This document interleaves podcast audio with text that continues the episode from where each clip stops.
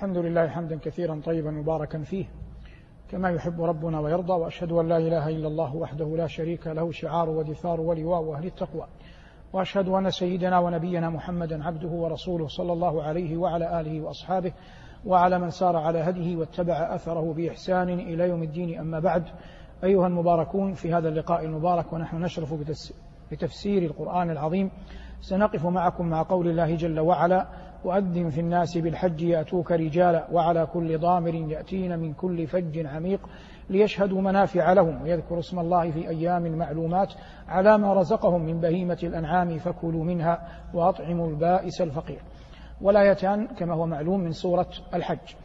والحديث عنها وفق تفسير القرآن نقول إن المخاطب بالآية والإخبار وأذن في الناس بالحج المطلوب منه أن يؤذن هو خليل الله إبراهيم. بقرينة الآية التي قبلها إذ أن الله قال قبلها وإذ بوأنا لإبراهيم مكان البيت ألا تشرك بي شيئا.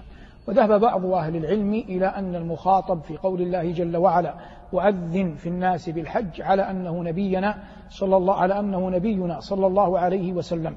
لكن الحق أن سياق الآيات لا يساعد على هذا الفهم وعامة أهل العلم على أن المراد به خليل الله إبراهيم. قال الله جل وعلا وأذن في الناس بالحج. الأذان هو الإعلام. فإذا اقترن بتهديد ووعيد خرج من كونه من كونه أذان إلى كونه إنذار.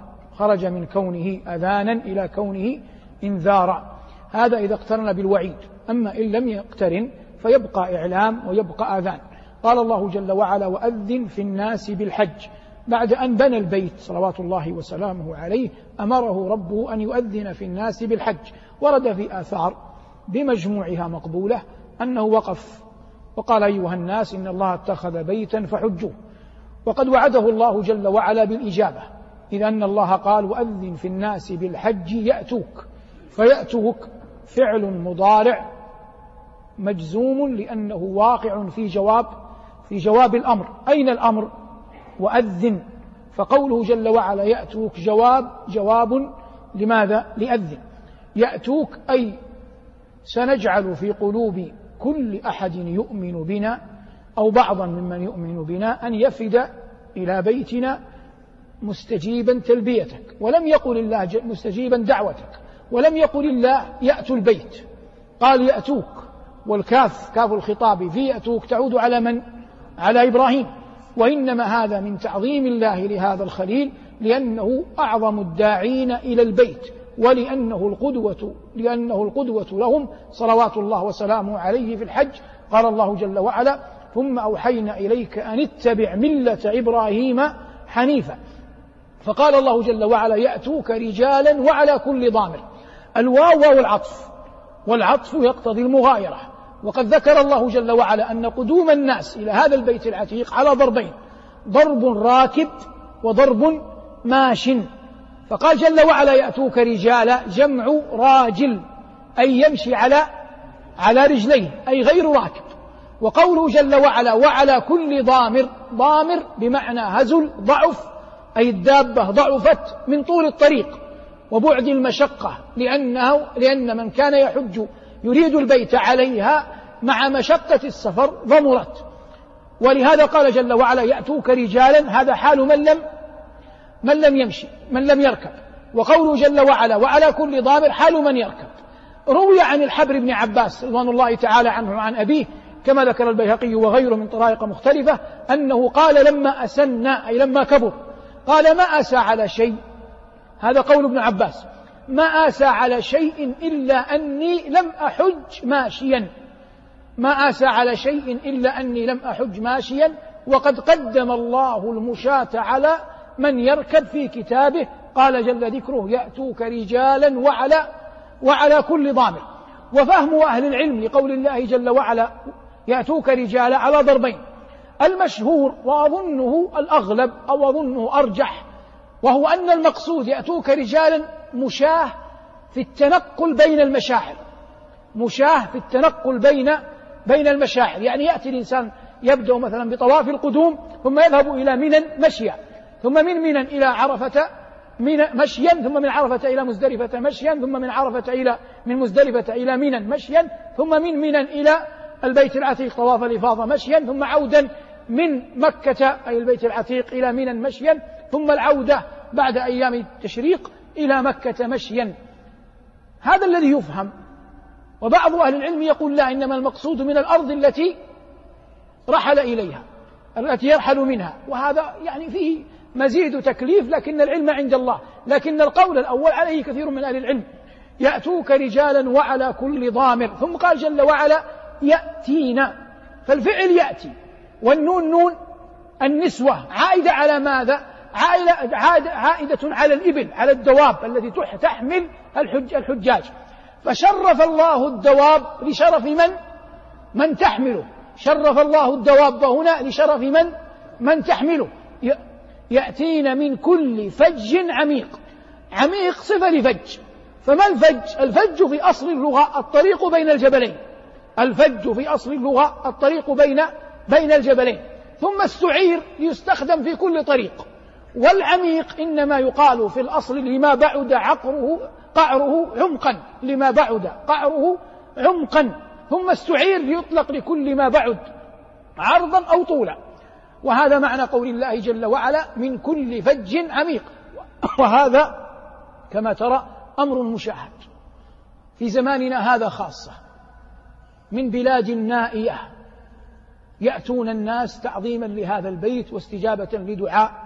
الخليل وهو في ديننا الركن الخامس وقد علق الله جل وعلا عليه كما دلت السنة وأعظم الثواب. من حج فلم يرفث ولم يفسق رجع كيوم ولدته أمه. أي تحات ذنوبه كلها. بما فيها الكبائر. وتحفظ له حسناته. إنما رجع من ذنوبه كيوم ولدته أمه. لا رجع حاله. لأن الإنسان يولد ولا حسنات ولا سيئات له. إنما يرجع بعد الحج من ذنوبه كيوم ولدته أمه. أما حسناته تبقى محفوظة. قال الله جل وعلا من كل فج عميق. ثم قال ليشهدوا لام التعليل منافع لهم. وهذه المنافع يتعلق بها خيري الدنيا والآخرة. فأما خير الآخرة كما ذكرنا وأما خير الدنيا فإن الله أجاز لأهل الحج مع ما يقع بينهم من تعارف التجارة والاتجار بالأموال. ليشهدوا منافع لهم ويذكروا اسم الله في أيام معلومات على ما رزقهم من بهيمة الأنعام. البهيمة ما كان يمشي على أربع. والمراد هنا بهيمة الأنعام وهي ثلاث. الإبل والبقر والغنم. الإبل والبقر والغنم. هذه التي يجوز أن يضحى بها أو يهدى أو يعق. قال جل وعلا ويذكر اسم الله في أيام معلومات. قوله جل وعلا في أيام جعل بعض المالكية ومن وفقهم يقولون إن الذبح ليلا لا يجزي لأن الله قال في في أيام. ويرد عليهم بأنه ذكر اليوم يراد به اليوم والليلة في القرآن وفي كلام العرب كثيرا. لكن أحوط أن يذبح الإنسان أضحية أو هديا أو عقيقة في النهار. ويذكر اسم الله في أيام معلومات. ثم هذا الذي يذبح في أيام الحج غالبا لا يخلو من أحد ثلاثة أحوال. إما أن يكون هدي تطوع وإما أن يكون هديا واجبا جاء شكرا وإما أن يكون هديا واجبا جاء فدية. وصور هذا على النحو التالي. رجل حج حجا مفردا فهذا لا هدي عليه. واضح؟ لكنه تطوعا منه. أهدى للبيت. وذبح. يجوز أن يأكل من هديه أو لا يجوز؟ يجوز بالاتفاق. لأن هذا الهدي هدي تطوع. الحالة الثانية رجل حج قارنا أو متمتعا. فهذا عليه ماذا؟ عليه هدي. عليه هدي. هذا الهدي واجب عليه. يأكل منه أو لا يأكل الصواب أنه يأكل منه. وقال بعض أهل العلم لا يأكل منه لكن الأرجح أنه يأكل يأكل منه. فالنبي صلى الله عليه وسلم حج قارنا وذبح وأكل. لكن قد يقال أن النبي صلى الله عليه وسلم ضحى بمئة ناقة واحدة منها تقع واجبا والباقية لا تقع. لكن الأرجح من أقوال أهل العلم وعليه الفتوى أنه يأكل منه. الحالة الثالثة وقع في محظور من محظورات الإحرام يكفر عنه بفدية بذبح شاه. فهذه الفدية وقعت تكفيرا عن جناية ولم تقع شكرا كما في الأول في هدي التمتع والقران فهذا لا يأكل منه هذا لا يأكل منه. مثلا حج لكنه أحرم بعد الميقات فالإحرام من الميقات واجب فهذا ترك واجبا فعليه فدية لكنه لا يأكل من تلك الفدية إنما يأكل منها فقراء فقراء الحرم. هذا تفصيل يسير حول قول الله جل وعلا ويذكر اسم الله على ما رزقهم ويذكر الله اسم الله في أيام معلومات على ما رزقهم من بهيمة الأنعام. قال الله فكلوا منها. وهذا الأمر أمر عجيب. أمر إباحة. أمر إباحة. فكلوا منها وأطعموا البائس الفقير. فلما قال الله جل وعلا فكلوا منها فالسنة أن يأكل من هديه. إن كان هدي تمتع أو كان هدي قران أو كان هدي تطوع. فكلوا منها وأطعموا البائس الفقير أي من عظم بؤسه وفقره ويجوز إطعام غيره. لكن المقصود في القرآن قضية الأولوية في من هو أحق بأن بأن يطعم. قال الله جل وعلا بعد ثم ليقضوا تفثهم وليوفوا نذورهم. ليقضوا تفثهم أي يتخلصوا من أردانهم ذلك لأن الإحرام يعيق. فإذا فرغ الإنسان من إحرامه وتحلل يوم النحر بما يتحلل به الحاج عادة الحاج عادة حل من إحرامه. ثم ليقضوا تفثهم وليوفوا نذورهم بما أوجبوه على أنفسهم من هدي وغيره وأضاحي. ثم قال جل وعلا وليطوفوا بالبيت العتيق. العتيق هنا بمعنى الكريم. العتيق هنا بمعنى الكريم ولا يمنع أن يحمل أن يحمل على قدمه في الدهر. وهذا الطواف المذكور في آية الحج هنا هو طواف الإفاضة وهو ركن من أركان من أركان الحج. فأهل العلم الفقهاء يقولون إن النية أي نية الدخول في النسك والوقوف بعرفة وطواف الإفاضة هذه الثلاثة هي أركان الحج. واختلفوا في السعي هل هو ركن أو واجب أو حتى قيل سنة.